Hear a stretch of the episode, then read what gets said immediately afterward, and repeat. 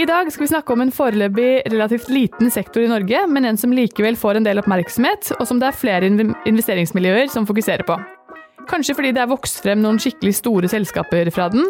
Kanskje er det fordi mange store selskaper er helt avhengig av innovasjon i denne sektoren, nemlig Fintech. Rolf Thorsø fra Nordic Capital og Vidar Aksland fra Finstart Nordic er dagens gjester for å fortelle oss mer om dette. Velkommen til Unotert. Hei, Rolf og Vidar. Eh, hyggelig å ha dere her. Velkommen til podkasten. Takk for at du fikk komme. Takk, hyggelig å komme. Først av alt, Vidar, kan ikke du begynne med å fortelle oss hva er fintech? Fintech eh, kommer jo av begrepet finansteknologi. Eh, begynte jo gjerne i payment-sida, betalingsområdet. Men for oss, når vi snakker om fintech i dag, så er det jo mer det å ha produkter, tjenester, selskaper som kan berike finansnæringen. Enten i form av effektivisering eller å utvide tjenestetilbudet et bedre kundetilbud. Det var kort og tydelig og bra. Rolf, kan du utdype, utdype litt? Jeg sa jo innledningsvis at dette er en ganske foreløpig liten sektor. Um, kan du si noe om hvor liten eller stor den er, om det er eh, mange investorer eller hvor mange investeringer som gjøres uh, i denne sektoren i dag? Ja, globalt er det blitt en veldig stor sektor, eh, og den vokser også raskt. Um, eh, kanskje særlig etter finanskrisen i 2008-2009 så tok fintech eh, god fart, og som en egentlig respons på behov for endringer i finansiell sektor etter den krisen. Um, det er nok vanskelig å sette nøyaktig tall på størrelsen, bl.a. pga. litt uklare skillelinjer mot både finansiell sektor generelt um, og mot tech-industrien. Eh, men eh, det eksisterer tall som sier at sektoren globalt har passert årlige inntekter på 100 eh, milliarder dollar med god margin. Men fintech-sektoren som sådan er nok fremdeles liten i forhold til det globale markedet for finansielle tjenester totalt sett, som er et enormt marked. Um, så man kan kanskje si at på sett og vis så har fintech da endret hvordan finansielle tjenester blir strukturert, levert og konsumert, men likevel at det er få spillere i fintech-bransjen som har etablert seg som dominerende aktører totalt sett i finansiell sektor. Um, så spurte du om um, hvor mange som investerer, og om det gjøres mange investeringer i uh, året. Og i forhold til finansieringsaktivitet så er sektoren kanskje enda mer eh, synlig og betydningsfull. Eh, det er vel i dag blant eh, kanskje de hotteste segmentene å investere i.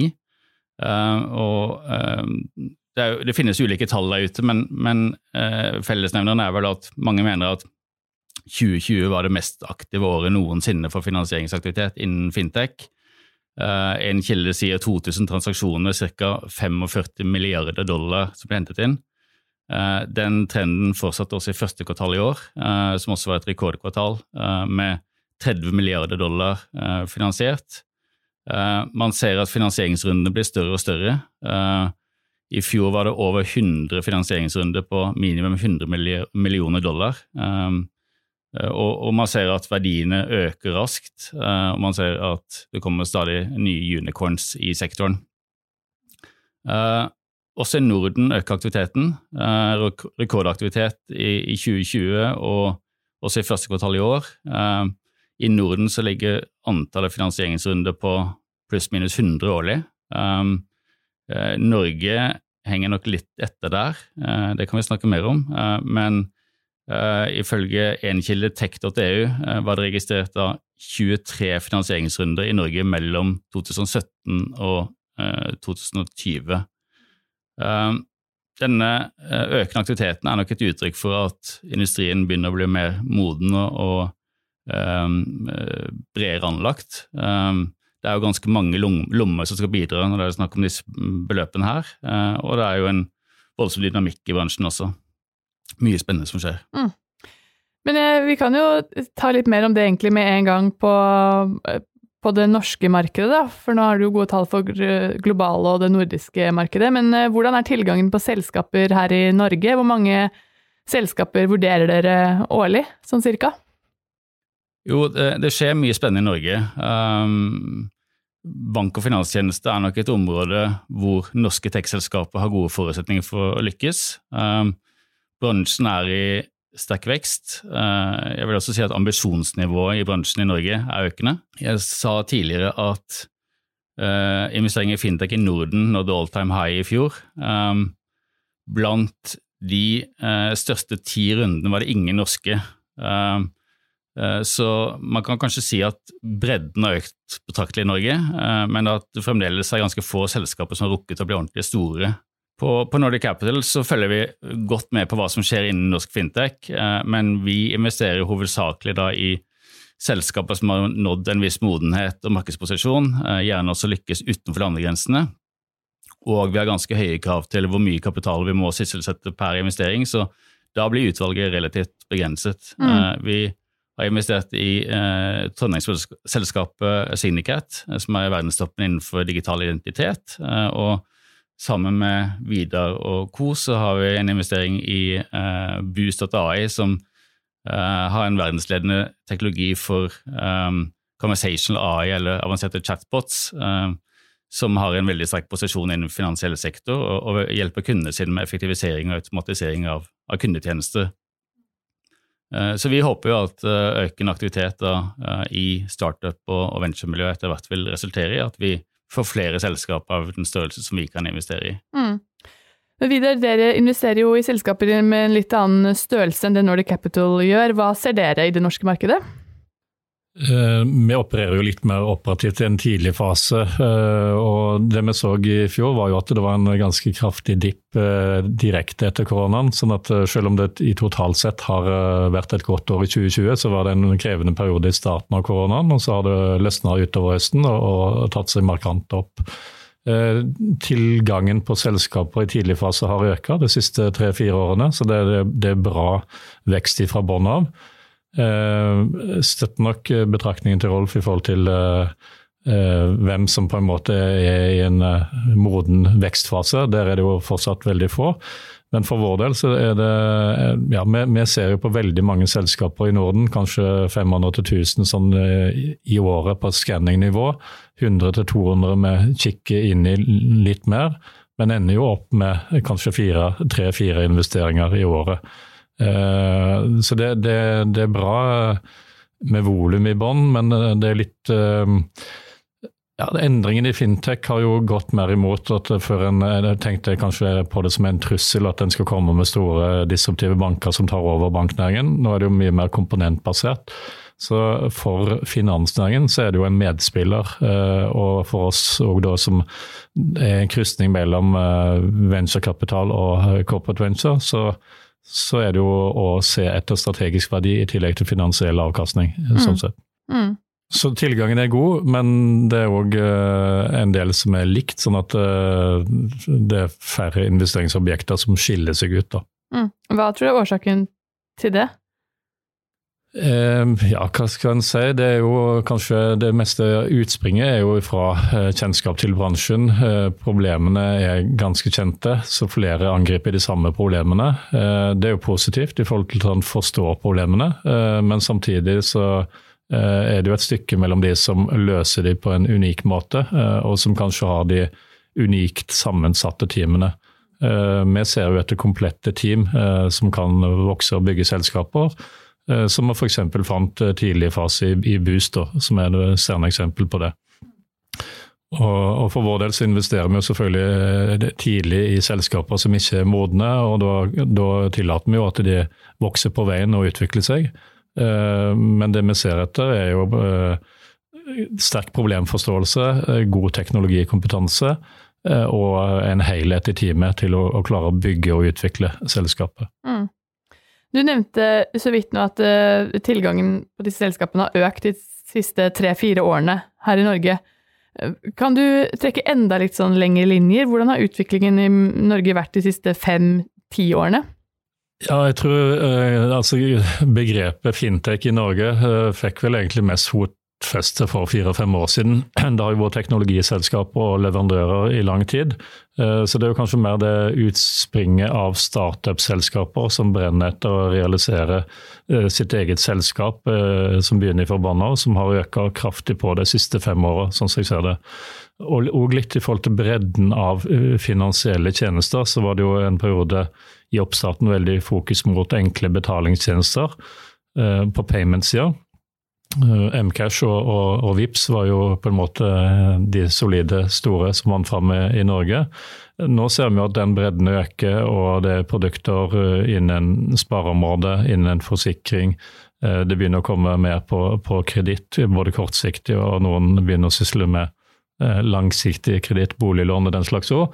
Og det er jo spennende i forhold til å, å, å se flere perspektiver. for finansbransjen er jo ganske brei i tjenestetilbudet, og det er mange muligheter. Enig i det, Vidar. Man ser jo også at uh, det har vokst frem et større økosystem i Norge rundt selskapene. altså det, det er eh, investormiljøet som fokuserer på dette, det er andre fintech-assosiasjoner etc. som fokuserer på å støtte bransjen som sådan. Så man ser vel nå at økosystemet i Norge i dag er større og sunnere kanskje enn noensinne. Ja, det setter jeg deg i. og Jeg tror Englenettverket, tidligfaseinvesteringer, er blitt mer oppmerksom på finanssektoren, finansteknologi, som investeringsobjekt, som gjør at du har eh, litt bedre overleveringer fra eh, Englenettverk til en tidligfase WCR, til type Nordic og andre som kan ta det et steg videre. Ja, eh, altså hele banksektoren har jo tradisjonelt sett vært ganske konservativ, men må nå tenke nytt for å kunne redusere risikoen sin. Så bankene er vel veldig viktige i, i, utviklingen? Absolutt. Hvis jeg kan si litt om det, så tenker jeg at der en kanskje tenkte finansteknologi som uh, disruptive aktører som tok store deler av kaka i form av nisjeaktører, eller som utfordrer banker. Så ser vi jo nå at det er veldig mye mer fokus på gjenbruk av komponenter. Utnytte det beste fra én leverandør som er spesialisert på det Signicat ble jo nevnt her eh, på ID-håndtering eller Boost på, på chatbot og, og, AI. og Jeg tror det blir mer av de typer selskaper nå. Eh, du leverer ikke full bredde, men du er ekstremt god på det du leverer på. Og da er det eh, verdifullt for de store finanskonsernene å kjøpe tjenester. Så det er mer samspill enn direkte konkurranse. Og så tror jeg det vil komme noen direkte konkurrenter også, eh, som disrupter dagens forretningsmodeller, og det skaper jo en positiv bevegelse. Mm. Eh, litt videre, Rolf, for du nevnte jo en del sånne linjer om det globale og nordiske markedet eh, i stad. Hvordan er fintech-miljøet her i Norge rigget sammenligna med andre land? Har vi noen konkurransefortrinn her, eller noen ulemper, noe som gjør noen sterke miljøer? Noe som gjør at man har noen noen fordeler eller uh, ulemper? Ja, jeg vil jo si at som vi snakket om, fintech-bransjen i Norge er relativt ung, men i sterk vekst. Men sammenlignet med f.eks. Sverige, som ligger veldig veldig langt fremme, så mangler man kanskje en del på, på modenhet og bredde i, i, forhold til utvalg av selskaper. Men kanskje enda viktigere så mangler man da noen store internasjonale suksesser som kan være ledestjerner for andre. Sverige har jo de har Klarna, de har Settle, de har Bambora, Trustly, um, Tink.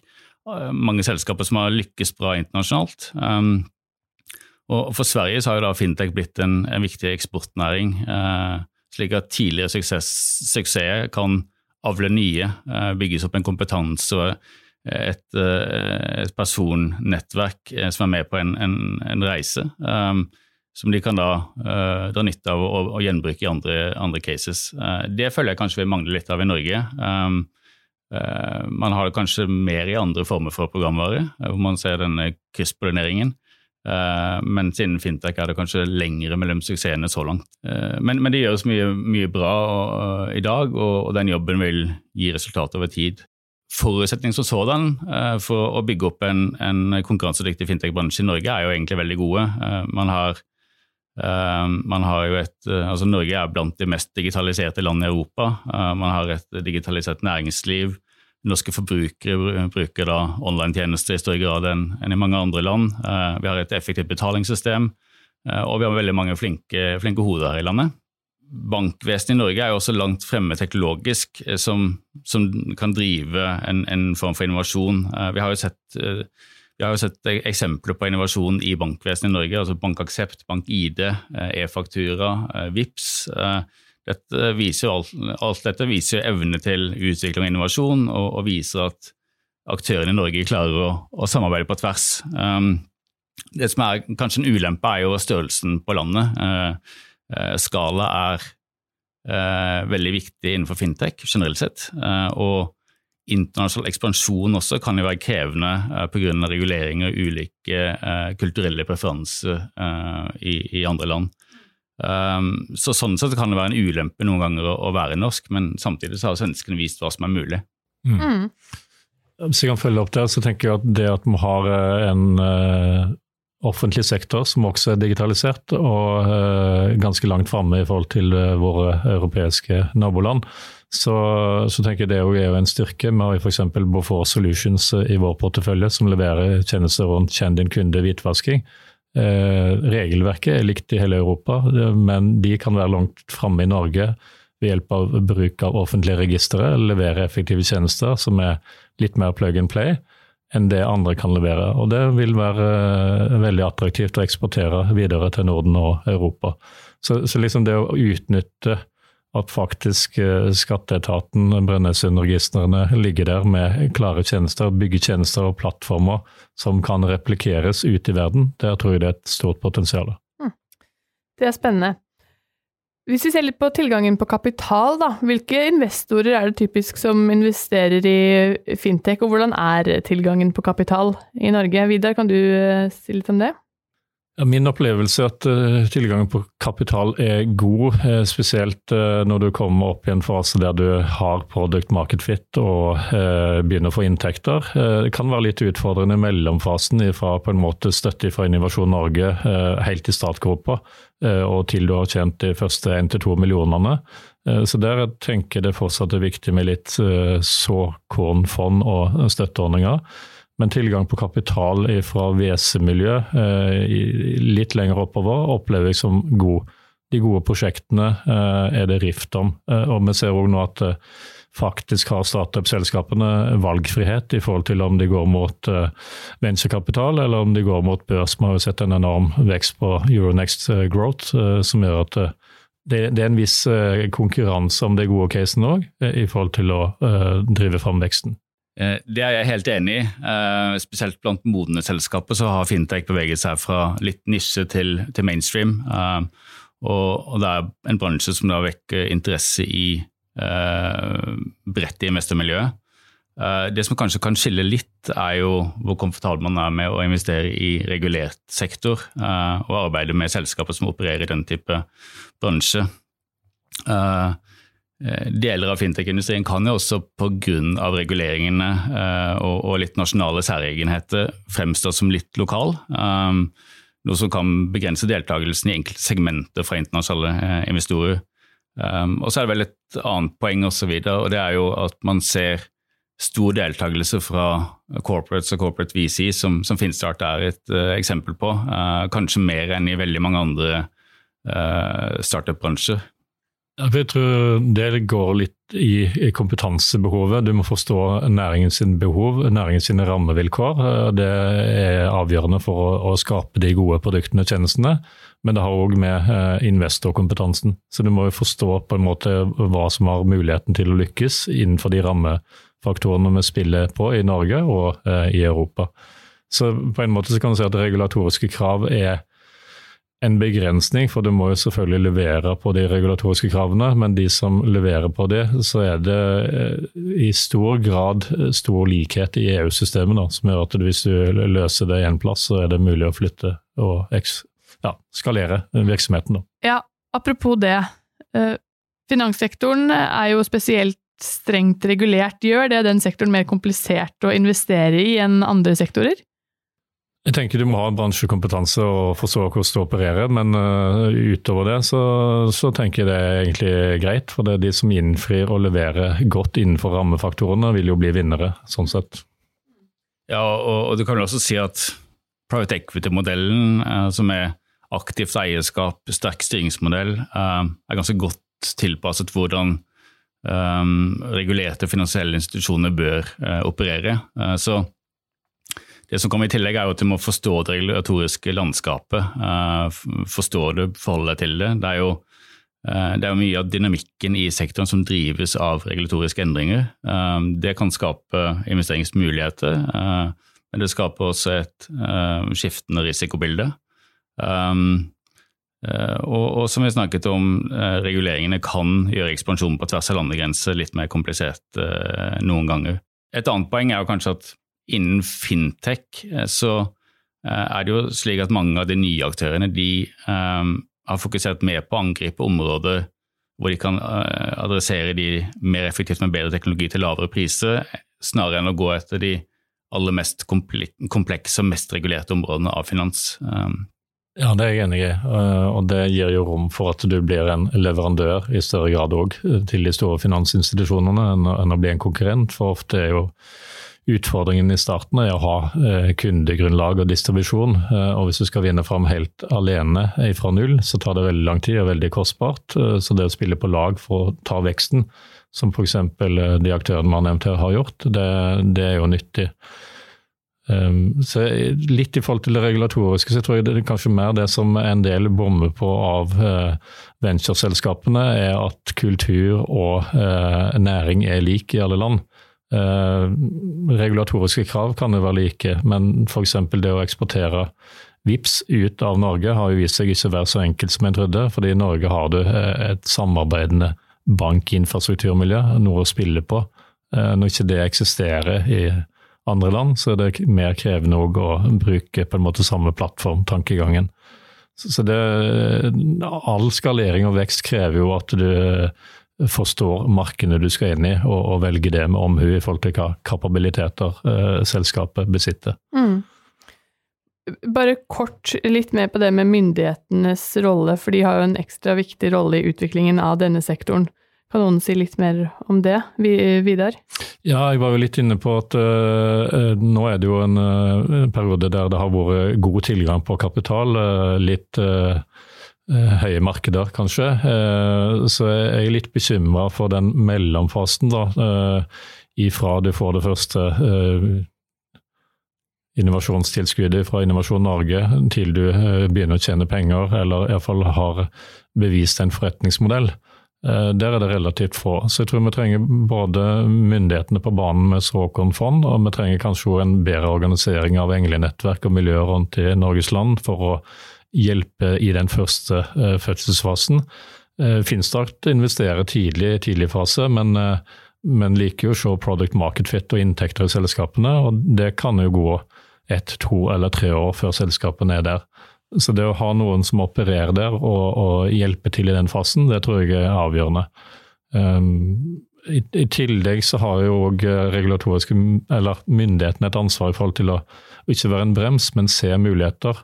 Uh, så det å, å fortsatt jobbe med Eh, et driv for digitalisering av staten Norge og offentlige tjenester skaper jo muligheter. F.eks. For i forhold til digitale signatur, så er, det, så er det fortsatt begrensninger eh, for det ene selskapet vårt som leverer juridiske tjenester. Da, så, så, er det ikke mulig å fullføre det pga. at all regelverk, lover, ikke henger med. Mm. Så det å ha en, en, driver på offentlig sektor for å få det med, er òg viktig.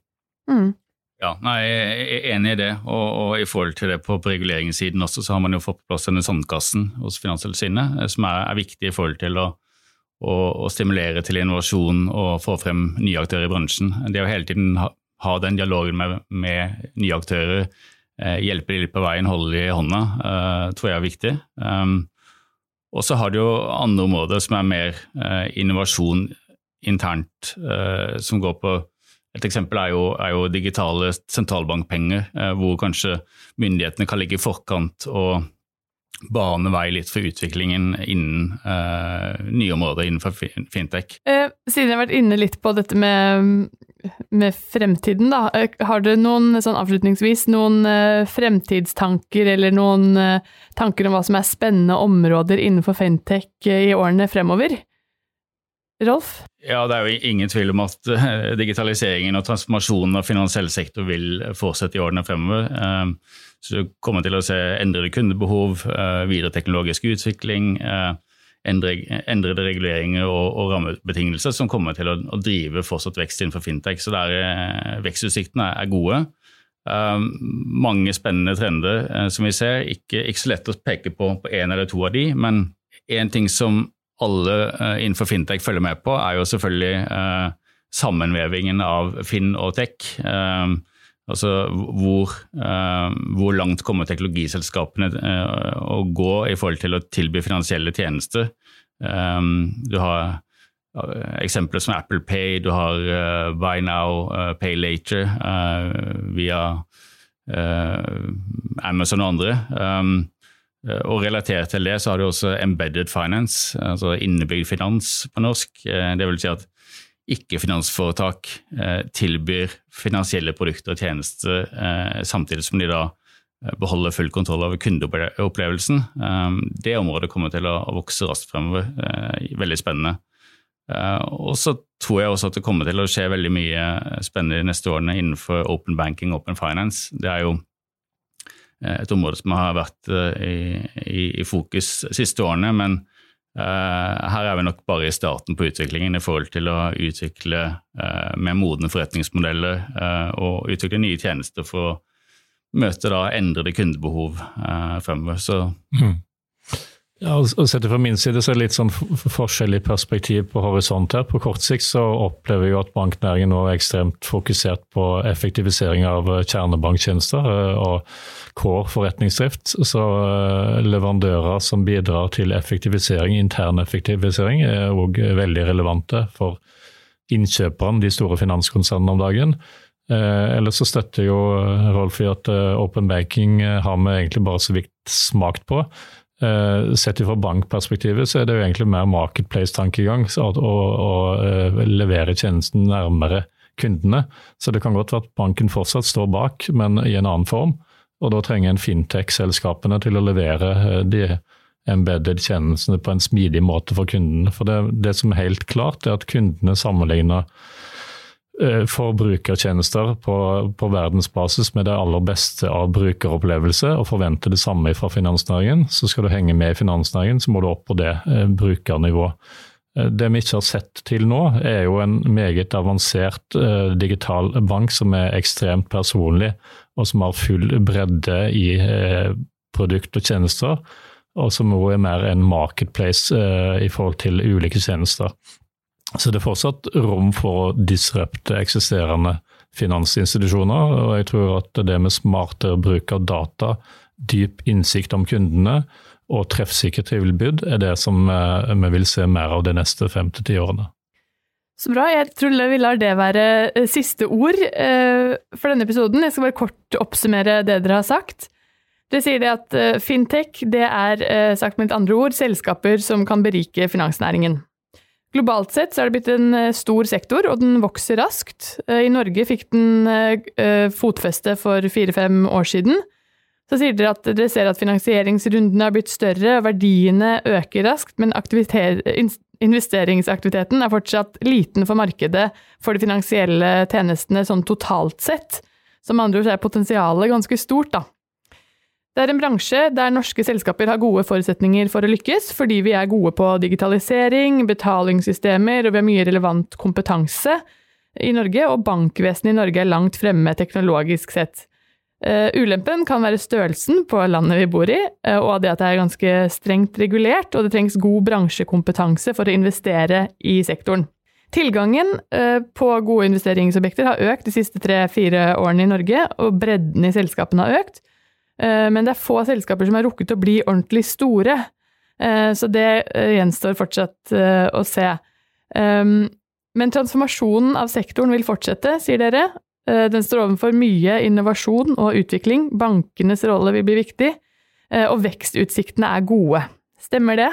Det var en effektiv og god oppsummering. Synes det var en veldig god oppsummering, og jeg vil egentlig si at det, det, er, for, det er, store muligheter. Så også for gründere er det store muligheter. Jeg tror det er kompetente personer der eh, ute som kan skape spennende selskaper framover. Så det å få ytterligere vekst hadde vært spennende. Helt enig. Så bra. Det er jeg også helt enig i. Rolf og Vidar, tusen takk for at dere kom. Takk for at vi fikk komme. Veldig hyggelig.